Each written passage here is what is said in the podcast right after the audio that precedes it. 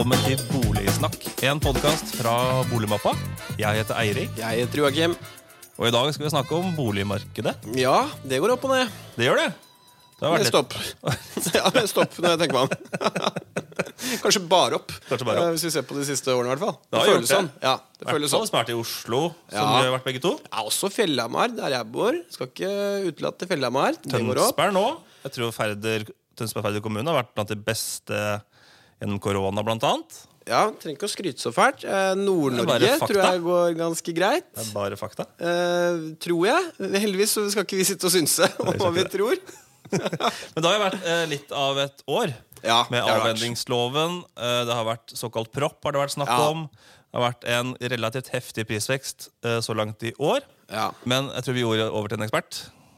Vi, vi gjør det. Dette skal ikke vi sitte og synes om, for det blir bare svada. Vi har med oss en, eh, en veldig kvalifisert eh, gjest. Den eneste som faktisk traff ordentlig på eh, boligprisgjetningen, kan vi kanskje kalle det det. Når koronaen Åpenbart ikke. Ja, nei, nei, Åpenbart eh, ikke. men det man kanskje tror er gjetning, når koronaen inntraff. For da var jo alle redd for at prisene skulle gå ned. Hjertelig velkommen, sjeføkonom i Prognosesenteret, Neira Matsic. Tusen takk.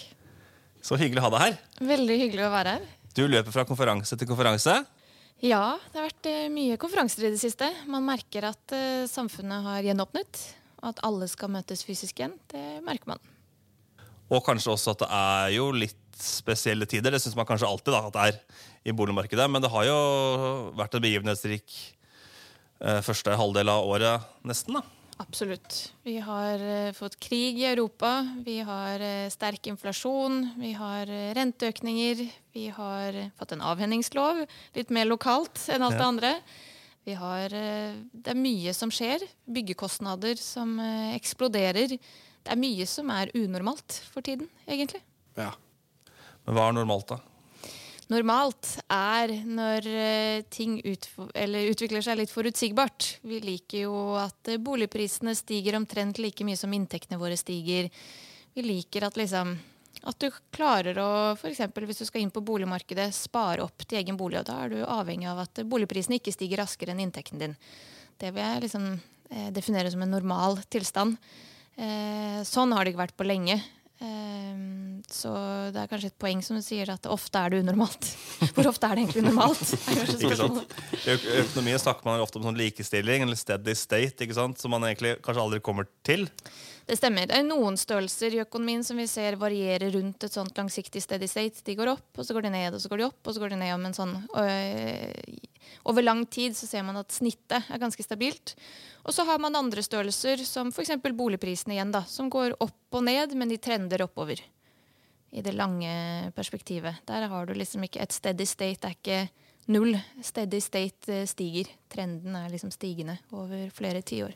ja. Det har vært en ganske grei investering. Uh, safe i hvert fall, å kjøpe bolig i Norge. Absolutt, det har det. Og i Prognosesenteret så har vi en avkastningsberegning. Vi ser på hvor mye folk uh, selger boligen sin for, uh, basert på tinglysninger fra grunnboka. Og så sammenligner vi med prisen den samme boligen ble kjøpt for, og så justerer vi for transaksjonskostnader. Og da kan vi se hvor mye den enkelte har tjent eller tapt på hvert boligkjøp og salg. Og da ser vi jo at uh, over tid så er det uh, Folk flest uh, tjener jo bra, men det er noen som også taper til enhver tid. Og eksempel nå i april så endte 11% av alle salgene med tap. Mens i april i fjor så var den andelen 18 Man hører ikke så mye om de. Nei, det er helt, men nå er jo vi litt sånn Oslo-retta, da. Fordi vi sitter her i Oslo, og det er kanskje ikke et Oslo-fenomen, eller? eller? er Nei, det det? eh, tapsandelen i april nå var aller lavest i Drammen, Fredrikstad og Oslo. Ja. Eh, det var de kommunene med mer enn 10 000 innbyggere der tapsandelen var lavest. Og så var den høyest i Stavanger og Sandnes. Ja. Og i Stavanger så er tapsandelen fortsatt nesten 40% Den var på 39% nå i april. Men den har kommet ned fra 60% i 2020. Så eh, rett før, eh, eller egentlig etter at pandemien startet, så var det sånn at seks av ti boligsalg i Stavanger endte med tap. Det er ganske dramatisk. Hvorfor det? Går ikke er oljenæringen, så er ikke det veldig forbundet med oljeindustrien? Jo, det er det. Og det er jo nettopp det at prisene der steg mye frem til eh, 2013. Og så fikk man et oljeprisfall i 2014. Etter det så var det flere år med fallende olje- og gassinvesteringer. Arbeidsledigheten steg. Eh, og boligprisene de falt i perioder eller var liksom helt flate. Eh, og i vår beregning, siden vi har med transaksjonskostnadene, så vil en periode med en flat prisutvikling vil gi deg tap. For du må Ja. betale dokumentavgift, og du må betale megler. Sant. Så da sitter du igjen med et tap. Eh, men i, Stavanger var det også et, et reelt boligprisfall, ikke bare flat utvikling. Så mange av de som eh, selte, solgte i 2020, de hadde jo da kjøpt eh, til langt høyere prisnivå. Eh, og var ganske uheldig. Men så har man sett at eh, prisene i Stavanger har steget ganske mye. Eh, etter eh, de famøse rentekuttene vi fikk våren 2020. Eh, prisutviklingen der har vært minst like sterk som i de andre store byene. Og det har jo også da ført til at tapsandelen har falt. Men det er fortsatt ganske mye. At, Ja. eh, Er det fire av starten Kan man begynne å se konturer av norsk rustbelte og en Detroit-aktige tilstander med Stavanger-regionen, eller er det Nei, nå, nå tror vi fremover at tapsandelen igjen vil øke i Norge, fordi vi tror at boligprisene vil flate ut. Så er det dette med disse transaksjonskostnadene igjen. ikke sant? Så når vi har flat prisutvikling, får vi, får vi økt eh, tapsandel. Så vi tror at, eh, at kanskje Stavanger og hele landet har nådd en bunn nå for tapsandelen. eh, Og at det kan stige litt igjen fremover. Men Stavanger kan uh, utvikle seg veldig annerledes fra resten av landet. Vi vet jo ikke helt uh, hvor mange arbeidsinnvandrere som kommer uh, pga. Uh, de, de, på en måte tempoet og økningen innenfor olje og gass. Vi vet jo ikke helt om, om den oljeprisen man ser nå, det høye nivået på oljeprisene, om det vil tiltrekke seg like stor aktivitet som det gjorde sist oljeprisen var så høy. Det trenger jo ikke å, nødvendigvis å være sånn. Så det blir spennende å se. Ja. Veldig. Alt det du kan. Er du, er du rik, eller? Du må jo tenke all den kunnskapen. Da hadde jeg investert. Gjør du det? Er du eiendomsinvestor på Eh, fritiden? nei. Nei. Det kan jeg ikke være, Nei. tenker jeg. Nei. At det ikke er innafor. Hvis jeg hadde vært snekker, vært en veldig god snekker, så hadde jeg bygd et helt rått hus på en Jeg er ikke noe eiendomsinvestor. Jeg eier én bolig, og det er den jeg bor i. Nettopp. For dette er jo, dette er jo Ja. boligsnakk, og det handler Ja. om kjøp og salg for meg og deg. Og, Ja, det det det og, la oss bli litt mer kjent med deg, Neira. Du bor i Oslo. Jeg bor i Oslo. Jeg bor på Hasle, eller mellom Hasle og Løren. Er det første leiligheten du eier, eller har du kjøpt og solgt litt? Jeg har kjøpt og solgt litt. Jeg har hatt eh, flaks underveis, som de fleste andre som har kjøpt og solgt de siste årene. Så jeg kjøpte min første bolig i 2014. Ja. Og da slet jeg skikkelig med å komme meg inn på boligmarkedet. Sånn som eh, folk sliter i dag, sånn slet man da også. Eh, Selv om prisene var mye lavere. Eh, Så husker jeg at jeg var på utrolig mange visninger. Og jeg har senere eh, regna eller telt opp alle budrundene jeg var med i. Jeg var med i 56 budrunder. Eh, ikke alltid som aktiv budgiver, men det var 56 budrunder jeg fulgte med på, og det var leiligheter jeg var interessert i. Og så turte jeg aldri å legge inn bud som var noe særlig mye høyere enn prisantydning. Nei, Jeg holdt meg rundt prisantydning. Og da fikk jeg jo heller ikke noe bolig på de 55 første forsøkene.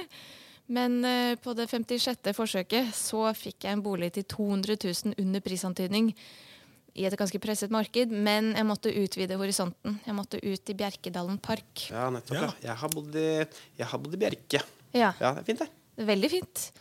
Og eh, det sekundet jeg ga opp drømmen om å bo på Løkka og Sankthanshaugen og Bislett, så løsna det jo. ja. Og man kan ha et fint liv på Bjerke også. Ja, ja, Men det er klassisk det der med når du har så mye kunnskap, og så vet du på en måte hva Eller du tror du vet hva du skal by, Ja. og så er det kanskje ikke sånn markedet fungerer. Det er personlig, og du må blø litt ekstra hvis du har lyst på det. Men jeg hadde is i magen, og det er jeg veldig glad for at jeg hadde. Ja. For jeg fikk jo da kjøpt meg en leilighet som var 70 kvadratmeter stor, til Ja. 2,4 millioner kroner. Oi, ja. Og der bodde jeg i fire år og hadde det veldig fint. Så da når jeg skulle flytte videre, så hadde jo den steget ganske mye i verdi. Ja. Uten at jeg hadde pusset opp noe særlig eller brukt noe penger på den. Så jeg er veldig glad for at jeg eh, så litt, eh, litt bredere. Eh, etter hvert på Finn så merket jeg at jeg liksom begynte å utvide det kartsøket mer og mer. Og det er jeg glad for at jeg gjorde. Ja, Vi hadde jo en sånn politikerrunde der, og da var samtlige enige om at uh, boligprisstigningen i Norge var nesten litt ute av kontroll. Eh, Hva tenker du? Ja, delvis, men samtidig, hvis vi sammenligner oss med andre europeiske storbyer, og spesielt hvis vi ser på hovedstedene i andre land, så er ikke boligprisene i, i Oslo, da, sammenlignet med f.eks. London, Paris, til og med i Stockholm, så er ikke boligprisene her spesielt høye. I hvert fall ikke når vi sammenligner med inntektsnivået vårt her. Mm. så det er det internasjonale fokuset. Men hvis vi glemmer det internasjonale og bare ser på hvordan det er her hjemme, så har jo prisveksten over tid vært veldig sterk, når vi ser på liksom tidslinjene. Og eh, boligprisene har jo steget mye mer enn inntektene våre. Eh, og så er det enorme geografiske forskjeller. Altså Du skal ikke så kjempelangt ut fra Oslo før du får eh, drastisk lavere kvadratmeterpriser. Nei, akkurat det. Jeg tror det var Raymond Johansen jeg, som sa det. At det, det at en 20-årig student ikke har råd til å kjøpe seg en egen leilighet på Grünerløkka, Ja. det er ikke et reelt problem. Nei, Og det det er er ikke noe helt enig i. synd på vedkommende. ikke sant? Nei. Det er ikke et menneskerett. Man Nei, kan bo nei, nei. mange andre steder, som du sier da. Ja, Og så er det ikke noe vits i å tvinge folk inn på boligmarkedet før de er klare. Eh, for det ser vi også i denne tapsandelen, at eh, de unge er overrepresentert. Det er de som i størst grad taper når de selger bolig, og det er fordi de bor der så kort. Så de rekker ikke å få nok prisstigning til å dekke opp for transaksjonskostnadene. Så jeg ville heller liksom oppfordret folk til å spare litt lenger og kjøpe en bolig der du faktisk kan se for deg at du kan bo i den i noen år. Istedenfor å liksom rushe for å få skaffet seg et lite bøttekott, og så bor du der i et år, og så får du helt klaus, og så skal du videre, og så har du ikke Det blir veldig ofte et tapsprosjekt. Bra. Hyggelig å ha deg, Neira. Hyggelig å være her. Det er starten av juni. Det går mot sommeren. Eh, Eiendom Norge har akkurat kommet ut med nye tall for mai. Eh, nominell prisendring eh, i mai var på 1,2% Det har steget mye eh, måned for måned, vel, stort sett, i år. Hvordan vil du karakterisere året så langt? Det har vært overraskende sterk prisutvikling hittil i år, vil jeg si. Eh, mye sterkere enn det vi trodde i fjor høst. Det vi har undervurdert aller mest, er avvenningsloven og hvilken effekt det ville få på boligtilbudet. Um, og så syns jeg også det er forvirrende, for vi snakker jo med Norsk Takst, som har egne spørreundersøkelser. Der er ganske mange av deres takstmenn sier at de har veldig god kapasitet. Eh, I den første spørreundersøkelsen de hadde, som var vel for halvannen til to måneder siden, så var det 60% som svarte at de hadde veldig god kapasitet. Og Samtidig så hører man jo fra meglerne at eh, det ikke er den eh, kanskje opplevelsen de har. At de, noen sier at de sliter med å få tak i takst, men andre sier at eh, tilstandsrapportene tar veldig mye lengre tid. Eh, så jeg syns det er litt sånn mixed signals. Ja, for De får jo litt skylda i disse oppslagene. At det er takstpropp, holdt jeg på å si. Ja, og jeg tror også takstbransjen selv er enig i at det tar lengre tid å utarbeide tilstandsrapporter enn det de gjorde før, men samtidig så sier de jo at de har eh, god kapasitet. Um, så det er litt underlig, men uh, uansett hva som har ført til hva, så er jo resultatet at boligtilbudet har vært veldig lavt. Så hvis man følger med på antallet boliger på Finn, så har det vært uh, unormalt lavt i hele landet, ikke bare Oslo. Um, og det har liksom ikke løsnet. Man tenkte kanskje at det ville løsne etter hvert som uh, alle aktørene vente seg til uh, nye loven og ting liksom skulle gå seg til litt. Man skulle tro mange også ville benytte anledningen til å selge, nå som man er på en sånn eh, oppovergående kurve. Ja. Det er, det, er det er usikre tider, da. Det er det. Og vi eh, hadde en eh, spørreundersøkelse gjennom pandemien eh, gjennom en tjeneste vi har som heter Future Living. Og da spurte vi folk har du og din husholdning fremskyndet eh, et boligbytte under pandemien. Og da var det faktisk 20% som svarte ja. Og dette var en landsrepresentativ spørreundersøkelse, så en femtedel av husholdningene har fremskyndet boligbyttet sitt. Sikkert fordi de har hatt så god tid. Man har jo hatt veldig mye fritid. Og det tar jo tid å finne en ny bolig og få solgt egen og flytte. Så kanskje har man prioritert å bruke all den fritiden på det. Og da betyr det at det er mange som er ferdig med å flytte for et par år. Altså Hvis du flytta i fjor og forrige fjor, så flytter du ikke i år igjen. Så det kan jo forklare noe av det. Ja, for vi er jo bare mange husstander er vi? 2,4 millioner. millioner. Ja. Og man flytta 100 000 flyttinger eller et eller annet. Ja, Er det ikke det i var året? eh, litt over 100 000 bruktboligomsetninger i fjor. Sant? Um, og det er veldig interessant at antall omsetninger har økt år for år frem til og med i fjor, og ganske mye også, samtidig som vi har hatt fallende befolkningsvekst. Så det betyr egentlig rett og slett at uh, folk bytter boliger oftere med hverandre. At man bor kortere i hver bolig.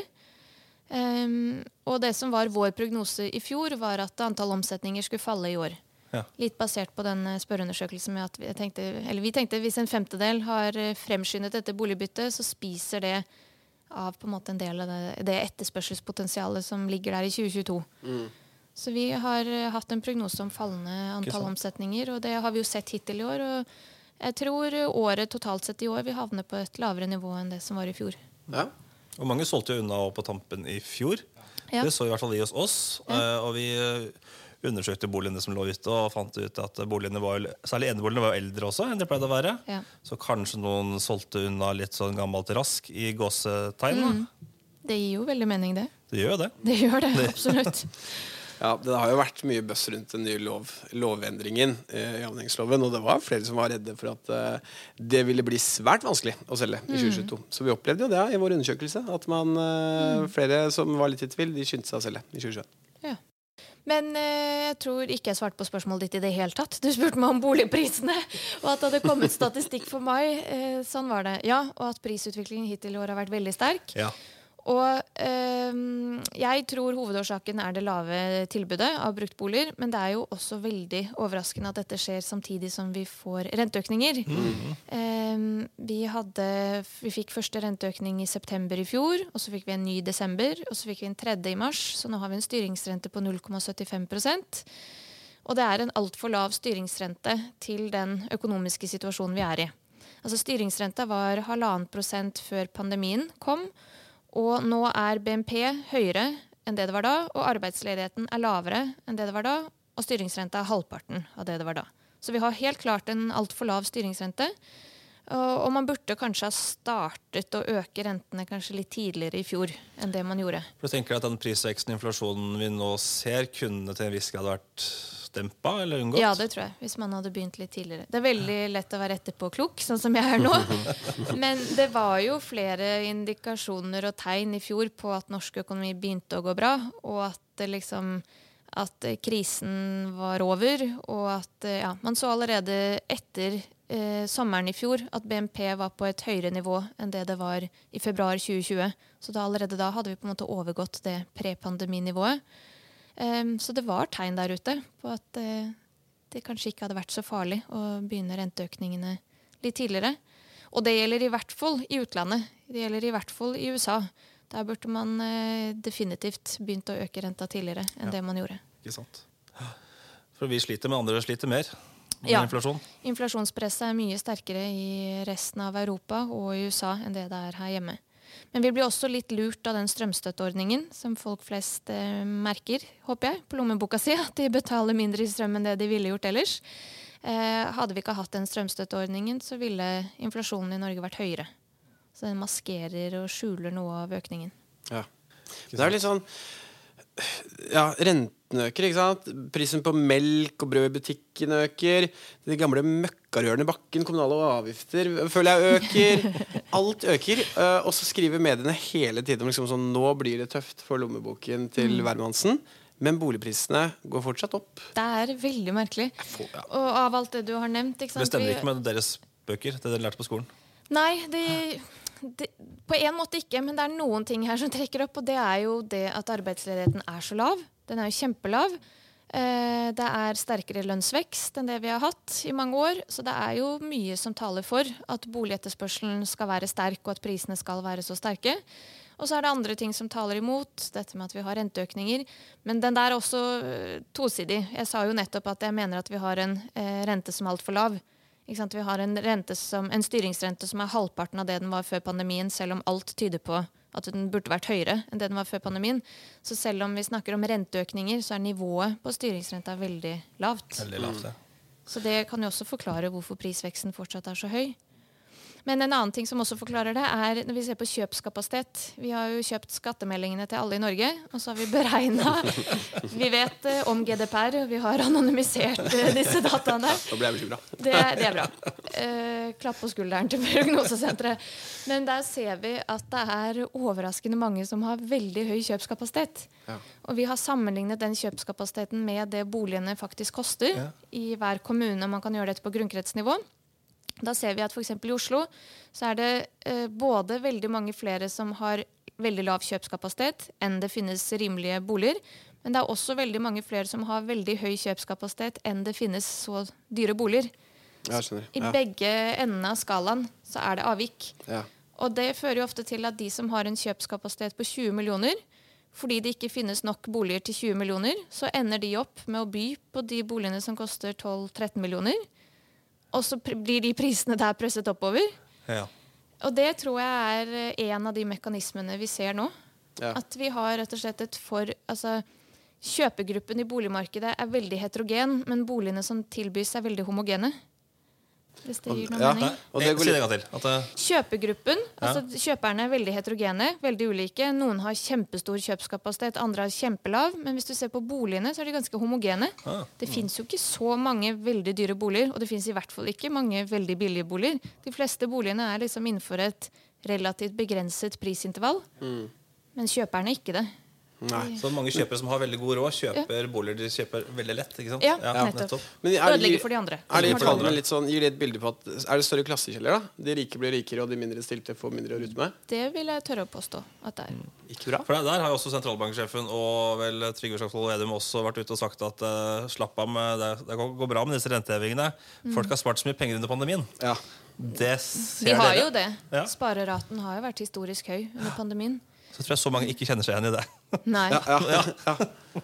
Det er det vi ser i alt fra nasjonalregnskapstall, når vi liksom summerer opp alle sine sparekontoer og ser hvor mye mer det har blitt etter pandemien enn det det var før pandemien, så er det veldig sterk vekst i nordmenns sparing. Og så er det jo masse forskjellige spørreundersøkelser. Det er ikke våre egne, men der man spør folk eh, hvis økonomien i din husstand blir bedre neste tolv månedene, hva vil, dere, hva vil dere bruke pengene på? Så har man fire svaralternativ. Det ene er å spare mer, kjøpe bolig, pusse opp bolig eller reise mer. Og det vi har sett eh, nå, spesielt det siste halvåret, er at det er veldig mange flere som svarer reise mer, og færre som svarer eh, pusse opp bolig, kjøpe bolig og spare mer. De tre får en nedgang. Og reiselysten er definitivt tilbake. Ja, for det er spennende å se på den sparekontoen etter sommerferien. For den der bamseklubben på Rådås Den er ikke gratis om dagen. Ja, den, den De gjør det relativt greit. De gjør det greit. Så det er spennende å se de tallene pro eller post sommerferie. Ja. Men det er nok mye av de pengene som også har havna i bolig- og hyttemarkedet under Ja. pandemien. Ja. Fordi de enten savna de der, eller så bare ble de værende på sparekontoen. Jeg tenker det bakteppet. Vi har hatt en, en eh, vår og vinter med høy prisvekst, lavt utbud av boliger. Du sier at kanskje en del gjorde seg litt ferdig med hytte, bolig, investering i kjøp under korona.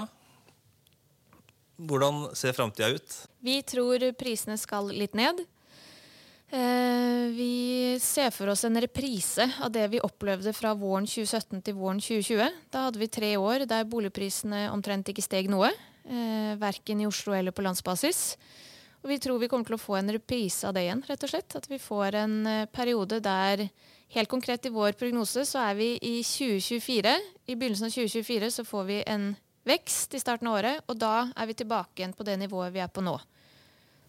Nettopp, ja. Sånn Så det vil ta såpass ha- lang tid å Ja. komme tilbake til Ja, Men den prognosen er basert på eh, Norges Banks rentebane fra mars. Og det er den der rentebanen med at vi skal opp til eh, 2,5 i styringsrente Ja. i utgangen av eh, 2023. Ja. Så hvis det blir færre renteøkninger enn det, så blir også boligprisveksten sterkere. For det tilsvarer en rundt en 4 kanskje rente til, i boliglånet eller Stemmer. der omkring. ja. Mm. Som er en betydelig økning for folk som unge mennesker som man bare har kjøpt nå de siste årene og er vant til å ha null rente. Ja, Så det er er det jo betydelig. de som kommer til å merke det. eh, Og det er de som har eh, kjøpt bolig etter at renta ble kuttet, styringsrenta ble kuttet til null. Men selv før pandemien så så man at eh, de som hadde aller høyest gjeldsgrad og høyest belåningsgrad, det er de unge. Mm. og så har dette bare blitt forsterket eh, enda mer i pandemien. Så det er de som kommer til å slite. Spesielt de som har mer enn fem ganger inntekt i gjeld. De kommer virkelig til å merke det. Mm. Ja, for bankene har jo mulighet til å gi er det 10% eller Ja, unntak. Det er ca. fra 10 som kan få unntak fra boliglånsforskriften. Mm. så bruker man aldri opp den fleksikvoten helt, helt, men det er liksom makstaket. Nei. Så det er noen som har mer enn fem ganger inntekt i gjeld. Men det er også ganske mange i Norge som ikke har noe gjeld i det hele tatt. Som eier bolig. Det er mange som har lav gjeldsgrad, opptil tregangeren. Um, så disse som har veldig høy gjeldsgrad, utgjør en veldig liten andel av befolkningen. Det er også veldig viktig å presisere. Mm, nettopp. Så det er ikke noe, det er ikke noe risiko. Nei, det er ikke et sånn eh, veldig stort systematisk problem, eh, akkurat dette med de som har veldig høy gjeldsgrad. Men samlet sett i befolkningen så har vi jo høy gjeldsgrad. Mm. Men eh, disse med over fem ganger inntekt, man må ikke tro at det er normalen. Det er Nei. svært få som har det. Ja. Vi snakker jo til hele landet her i Boligsnakk. Ser dere noen geografiske forskjeller? I boligprisutviklingen Ja. Eh, sånn som vi tror det kommer til å bli fremover, så tror vi at de områdene i landet der tilbudssiden er mest begrenset, der tror vi det kan bli sterkest prisvekst. Og det gjelder spesielt Oslo. Oslo er den eneste kommunen i Norge der det bygges færre boliger enn det som er det demografiske boligbehovet. I de fleste andre kommuner så bygger man enten like mye eller mer, faktisk. Så det er et uh, veldig sånn uh, definert Oslo-problem, dette med at uh, boligbyggingen er for lav. Mm. Og det tror vi også kan føre til at boligprisene i Oslo stiger mer enn de gjør på landsbasis nå fremover. Men den er litt kinkig, den òg, fordi i Oslo så finner vi altså Det er her husholdningene har høyest gjeldsgrad, fordi det bor flest unge mennesker. Så den der rentefølsomheten mm. den burde også være sterkest i Oslo. Det er her man liksom burde merke den mest negative effekten på mm. boligprisene av renteøkningene, mens da boligtilbudet trekker i motsatt retning. Mm. Hva nettoeffekten blir, er litt vanskelig, men jeg tror vi kanskje kan få litt sterkere prisvekst i Oslo enn resten av landet. Og så er det mange deler av landet som har opplevd sterk tilflytting den siste tiden. Um, spesielt nabokommuner rundt de store byene nabokommuner rundt Oslo. De har hatt sterk tilflytting i mange år, men det har blitt enda sterkere under pandemien. Der tror jeg det kan roe seg litt ned, eh, for man har bygget voldsomt mye der. Eh, og jeg tror fortsatt barnefamiliene kommer til å fortsette å flytte ut fra Oslo og mange av de andre store byene, fordi det fins ikke nok familieboliger med hage til alle som ønsker det til under 15 millioner? Ja, nettopp. Ja, og nå med, med, midlertidig, eller ikke bare midlertidig, men byggeforbud med den ja. småhusplanen, så blir det jo ikke noe mer småhus. Så barnefamiliene kommer til å fortsette å flytte ut. Men jeg tror kanskje noe av det prisvekstpotensialet er tatt ut i enkelte av de tilflytterkommunene mm. som har opplevd veldig sterk prisvekst siden mm. pandemien startet. Ja. Hva er det Oslo driver med? Har man ikke snakket om at dette vil man vekk fra? Man har jo det. Ja. Mm. Det skjer lite på den fronten. I dag kom det ut nye tall med mm, statistikk for byggesaksbehandlingstiden. Den har bare økt. Ja. Det tar enda lengre tid. Ja, for det er snakk om år ja. i Oslo. Det er jo helt vilt. Ja. Så. Og så er jo da noe av årsaken også at eh, det er veldig mange utbyggere som søker om dispensasjon. Og mm. det forlenger en del av saksbehandlingstiden. Um, så man kan ikke bare skylde på den ene parten. Men uh, det er jo et sammensatt bilde her, men samlet sett så er jo statistikken dyster. Det går jo ikke i riktig retning i det hele tatt. Og Apropos bygging, eh, helt på tampen. Vi har snakka litt om priser og vi snakker om bygging. Eh, og det blir jo helt eh, fra min egen bakgård. holdt på å si. Jeg bygde, jeg bygde en platting og en pergola i våres. Og den var jo nesten dobbelt så dyr som i fjor. Jeg skal ikke si gratulerer, men ja. ja litt kondolerer òg. Det ble kjempefint, altså. Det ble det. men eh, byggevarer, innsatsfaktorene i, uh, i bygg- og anleggsbransjen, har jo økt drastisk. Ja, det har de. De har økt voldsomt mye gjennom fjoråret. Så før krigen i Ukraina startet, så var prisveksten veldig sterk. Og I fjor var det spesielt trelast, som da økte med 60% sammenlignet med året før. Som vi aldri har opplevd før. For Det var noe barkbille, eller det var noe Det var annet eh, ja. barkbilleproblematikk i Canada og flere steder i Europa, som førte til at uh, disse barkbilene spiste opp en del av tømmeret, så man ikke fikk eh, bearbeidet det til trelast, og liksom tilbudssiden falt. Og samtidig så eksploderte etterspørselen. Altså Folk i Norge, i Europa, i USA og Canada har pusset opp som aldri før under pandemien. Og man har bygget boliger. Eh, I USA har det vært veldig sterk vekst i, i, boligbyggingen. Alt dette har ført til at etterspørselen etter trelast var veldig sterk. Samtidig som tilbudssiden bare falt. Så da fikk man en sterk prisvekst. Nettopp. Det ble resultatet. Men så har man sett at prisene har begynt å, eller de begynte å falle litt i fjor, på høsten. Og så har de fortsatt å falle litt uh, utover det året her, men nivået er jo fortsatt høyere enn det det var før pandemien. Og så er det stål som har blitt aller mest påvirket av krigen i Ukraina. Stålprisene de, mm. de skjøt i været etter invasjonen. Og da var det mange som begynte å, å, hamstre stål. Som eh, kjøpte inn og bestilte stål som de vanligvis skulle hatt eh, senere. Og da ble det kortsiktig mangel på stål, og det ble også sterk prisvekst på stål. Og her hjemme så har man ikke sett at prisene har begynt å falle ennå, men internasjonalt så ser man at eh, stålprisen er tilbake igjen på førkrigsnivået. Så hele ja. den prisveksten er faktisk korrigert bort. Tenk at du bruker et begrep som førkrigsnivå. Ja, altså ja, deilig. Det, det er helt sjukt. Bestefaren min vært kjempestolt. Ja, ja, ja. det er absurd. I hvert fall når jeg selv har opplevd krig. Jeg eh, kom jo fra krig, så dette er eh, den andre krigen i min levetid. Som er helt absurd, egentlig. Helt vanvittig. Helt. Helt, helt merkelig. Men jo, så forventningene våre Jeg la oss ikke ende der. Nei, at uh, vi tror at uh, materialkostnadene skal ned. Uh, men det er faktisk sånn at arbeidskraft står for halvparten av byggekostnadene. Så det er arbeidskraftskostnaden som dominerer. Ja, Det hører du ikke så mye om. Nei, det hører vi ikke så mye om. Nei. Så selv om materialprisene har steget voldsomt mye, så er det ikke sånn at byggekostnadene samlet sett stiger med like mye som materialkostnadene gjør. Nei. Fordi arbeidskraften er en dominerende komponent. Og der tror vi jo at det blir videre Ja. vekst. Hvordan har lønningene i den sektoren vært de siste årene? Har den drevet til... Den har vært veldig moderat. veldig moderat? ja. I første kvartal i år så var det 3,4% lønnsvekst fra samme kvartal i fjor for eh, bygg og anlegg. Altså dette som er en del av byggekostnadsindeksen for boligblokk, så det er veldig moderat. Så for de som skal bygge, så bidrar det egentlig til å holde litt, bremse litt igjen. da. Ja. Ja. Det er disse materialkostnadene som har eh, ført til eh, de voldsomme oppturene, og vi tror at det da blir en nedtur. I, men samlet sett så vil byggekostnadene fortsatt være ganske høye i årene som kommer. Alle, alle skal jo, som du nevnte selv, da, eh, gjøre noe om dagen og pusse opp den pergolaen din. Mm. Jeg har jo bygd en pergola. Det er jo ingen i verden som trenger en pergola. Du har jo kjøpt en parasoll, da. Det er Det jo er ganske ubrukelig stykke. Det er pent, men det er jo ikke noe Nei, bruksverdien er lav. Det er akkurat det. Ja. Og det kommer vel kanskje til å fortsette òg. At vi skal hamstre materialer, materialer og, og bygge. Men tror du ikke det blir litt mindre av det nå som pandemien er over? Tror du ikke mange har gjort det fordi man har vært så mye hjemme og sånn stirra på den hagen og Ja. stirra på den terrassen og bare Skulle vi ikke utvidet den plattingen litt?